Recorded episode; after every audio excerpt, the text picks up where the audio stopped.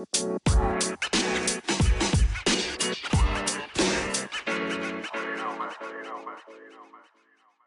lieve mensen, welkom bij de Back to Blue podcast. De podcast waar we samen terugkeren naar onze blauwdruk, naar de zuiverste en puurste versie van onszelf. De versie die we bedoeld waren om te zijn. Wil je je leven omgooien? Heb je het gevoel dat je een stuk van jezelf kwijt bent? Kom dan met me mee. Terug naar de beste versie van jezelf. Ik ga vandaag verder op iets waarvan ik weet dat er velen een antwoord op zoeken. Als mensen horen dat ik mijn boek heb geschreven met de hulp van mijn gidsen. Of dat ik tijdens mijn consult overleg met mijn gidsen. En soms ja, schiet ik in de lach. Of, of, moet ik, of reageer ik zuchtend op iets wat, wat er bij mij binnenkomt. En de vraag wordt mij dus vaak gesteld. En soms ook gewoon via DM's of zo. De vraag is, kan ik dat ook? Of heb ik ook een gids? Of waarom krijg ik geen boodschappen van mijn gidsen? En vandaag weer, na een consult, kwam weer die vraag naar boven. En die vraag komt vaak van personen die echt aan het wachten zijn op dat contact met hun gids. Die echt graag een boodschap willen ontvangen. En het antwoord op de eerste vraag, heb ik ook een gids? Is mijn antwoord heel duidelijk. Ja, iedereen. Iedereen heeft minstens één gids. Jij hebt ook een gids. En nee, dat is niet iemand die je kent van in dit leven. Meestal ook niet van een vorig leven. Dat is een ziel die meestal gewoon de taak heeft gekregen in de lichte wereld. Die heeft een jobje gepakt daar in de lichte wereld van iemand te gidsen. En jullie zijn gewoon bij elkaar gebracht. En dat is natuurlijk een jobje waar dat die, dat die ziel altijd mee bezig is. Want die is altijd bij u. Als je mijn boek hebt gelezen, dan heb je waarschijnlijk een beter beeld van, van wat die, hoe dat die gidsen werken en wat dat die doen. Of, al ja.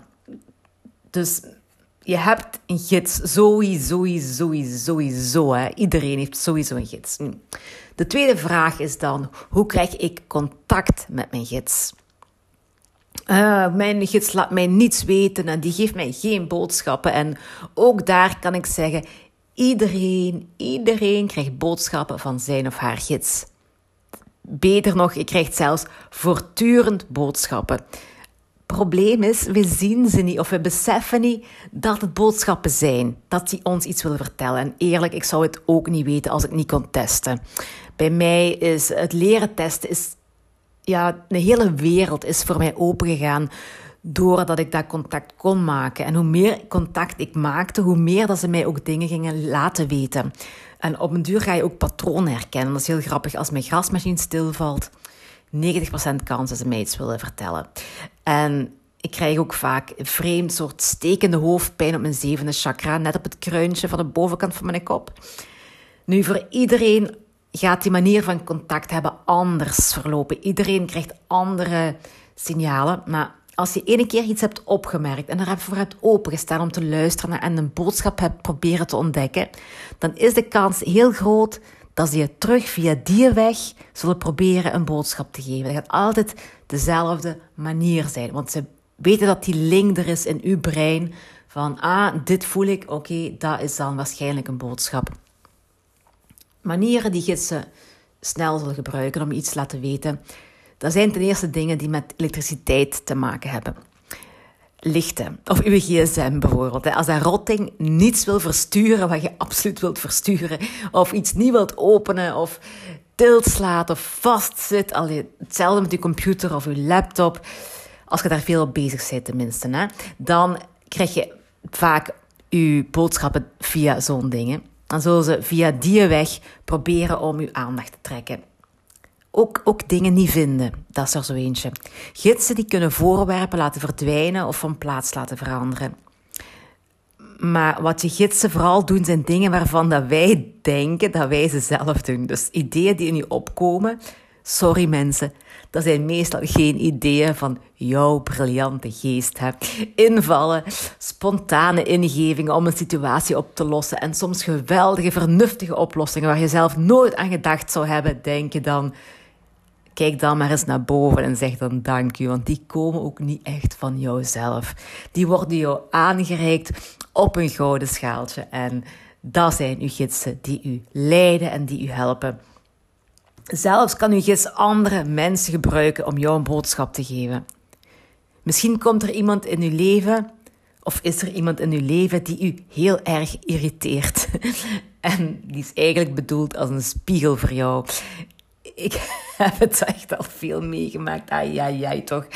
En dan denk ik weer, oh, ze willen mij weer eens zeggen. Hè. Dat is uw gids die u met de neus op de feiten wil drukken en wil zeggen van kijk eens goed naar uzelf. Beseft je wel wat je aan het doen bent. Misschien heb je met iemand een gesprek en kan die persoon iets zeggen en dat blijft maar bij u hangen. Dat blijft in uw, in uw hoofd rondgaan. Dan kan dat ook zijn dat dat een, iets is wat de gids u heeft willen vertellen. Maar dus een persoon heeft gebruikt om u die boodschap te over te geven. Het kan ook zijn dat jij gewoon aan het nadenken bent over een dilemma, dat je ergens mee zit, um, dat jij aan het nadenken bent of aan het piekeren bent en opeens ziet je een woord ergens op een reclamebord bijvoorbeeld, of, eh, of je oog valt op een tijdschrift dat ergens ligt en je, je, je oog valt precies op één woord. Of je leest iets en je voelt dat je ogen langer op één bepaald woord blijven hangen. Dat is dikwijls uw gids die u echt stuurt, die echt uw oog pakt en u stuurt naar hetgeen dat je moet zien. Natuurlijk, als je op deze manier begint denken, begint te denken, dan kan alles een hele dag een, een teken van je gids zijn. En dan word je oké, dan word je ook helemaal absoluut gek. Dan begint je helemaal zot te draaien. Dus dat is niet de bedoeling. Dan is kunnen kinesiologisch testen natuurlijk een heel handige oplossing. Hè? Want ik kan gewoon een vraag stellen, ik krijg er een ja of nee antwoord op en hup, het is klaar. Dat, dan moet je niet meer zitten piekeren of nadenken over iets, dan weet je gewoon duidelijk ja of nee. Als ik een veer op de grond vind, een wit mooi veertje op de grond, dan vraag ik gewoon kinesiologisch testen van is het een teken? Ja, oké. Dan ga ik verder vragen, is het, geen, is het een teken? En ze zeggen nee, oké. Het is gewoon toeval? Ja, oké. Dan kan ik het ook weer loslaten, hè. Maar als je het dus niet kunt testen, dan gaat het vooral over voelen. En dat is wat ik nog het liefst wil dat je hiervan onthoudt. Stap uit je hoofd en daal in je lichaam neer.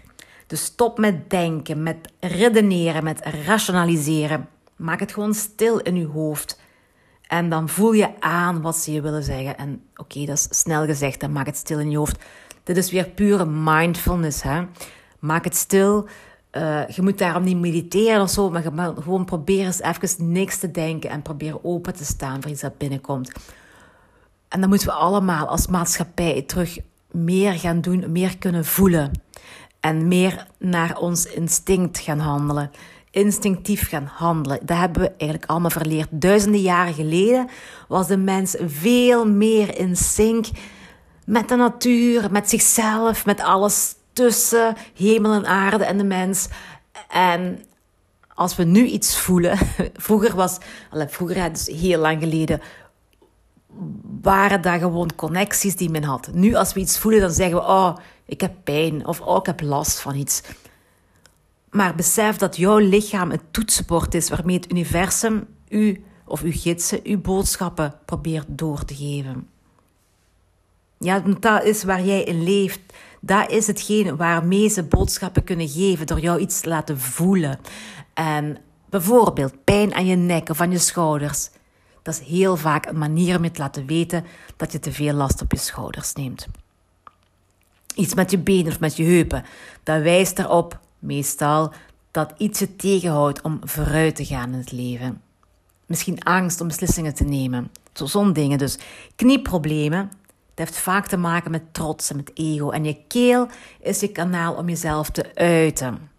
Dus misschien zit daar iets dat je niet durft zeggen, niet kunt zeggen. Je wilt het zeggen, je weet ik wat je wilt doen. Of die creativiteit uiten. Je wilt meer van jezelf laten zien. Je keel is dan het kanaal waarop je gaat last krijgen als je daar iets zit wat niet door kan. Als je maagpijn hebt, dan ligt er waarschijnlijk iets op uw maag. Ja? Dan zijn er dingen die je niet kan verteren. En ik ga er nu echt met een grove borstel door, hè, om u een idee te geven dat, dat uw lijf de manier is om een boodschap door te geven voor uw gids. Nu, onze reactie is vaak op zoiets is vaak van ah ja, ik neem een pijnstiller, want ik heb vandaag veel te veel te doen om koppijn te hebben. Of ik heb veel belangrijke afspraken en ik kan nu niet ziek zijn. Ik moet doorgaan, mijn dag moet verder gaan. En zo verliezen we telkens opnieuw onze verbinding met onze gids. Wij verbreken die keer op keer door zo'n dingen te doen, door, dat, door die last weg te nemen in plaats van erop binnen te gaan. En Vaak is het beter om dan gewoon te zeggen: Oké, ik voel me niet goed, ik ben ziek, ik ga rusten, ik ga in bed liggen, ik maak mijn hoofd leeg en ik wacht tot me iets te binnen schiet. Want dan, als het leeg is en er komt dan een gedachte op, dan is dat meestal een boodschap. Nu, ik kan eerlijk zeggen dat ik geloof, en het is, het is maar mijn mening natuurlijk, maar ik heb er al zoveel over gelezen en ik zie het bij zoveel patiënten. Ik zie die bewijzen dat achter elke lichamelijke kwaal een boodschap zit over iets wat je niet verwerkt hebt of waar je echt mee zit.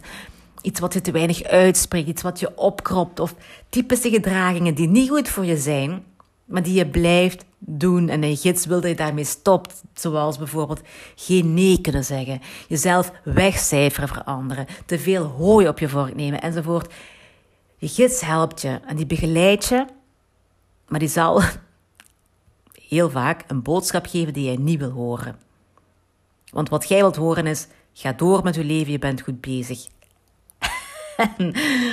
en, de gids wilt u meestal op een ander pad brengen of u bewuster maken van iets wat je aan negeren bent. Dus dikwijls negeren wij ook die boodschap van onze gids, gids, want dat past niet in onze plannen. Wij hebben een. Wij willen controle over onze dag en over ons leven. En wij denken van, we gaan het zo doen en niet anders. En als daar in tussen komt, ja, nee, dat gaat dan voor ons niet. En dan nemen wij die beslissing van nee, dat doen we niet. Wij gaan daar een pijnstiller voor nemen. Die boodschap past niet in mijn plannen. Zelfs als er een gids, als je gids een persoon naar je toestuurt om u letterlijk een boodschap te geven die jij niet wil horen, dan slaan wij ze in de wind en zeggen we, F you, hè. Loopt aan met al goede raad. Ik moet het niet horen, zeggen we dan. Dus um, durven luisteren naar uw gids betekent dus ook vertrouwen en u overgeven aan al die signalen. Leef bewuster, leef stiller, leef meer mindful. Stel jezelf vragen, oké, soms stomme vragen, soms logische vragen, maar dingen zoals: waarom kan ik nooit mijn sleutels vinden? Ah ja, zou ze me iets willen vertellen misschien? Waarom werkt die afstandsbediening niet als ik erop druk en als mijn kind erop drukt, werkt dat wel? Iedereen werkt dat wel, maar als ik erop druk, gaat dat niet. Wat wil dat daarmee zeggen? Waarom voel ik zo'n druk op mijn borst als ik op mijn werk aankom? Waarom staan mijn haren recht op mijn armen? Waarom voel ik precies een tocht op een plaats waar het eigenlijk niet kan tochten? Nu, al die dingen die ga je meer en meer opmerken als je meer gaat voelen en meer durft te voelen en meer in je lichaam zit en minder in je hoofd zit en je meer bewust bent van al die tekenen in je lichaam. En die tekenen, die zijn er. Absoluut, die zijn bij iedereen. Maar de kans dat jij er overheen kijkt, is heel groot. Laat dat maar eens even verteren.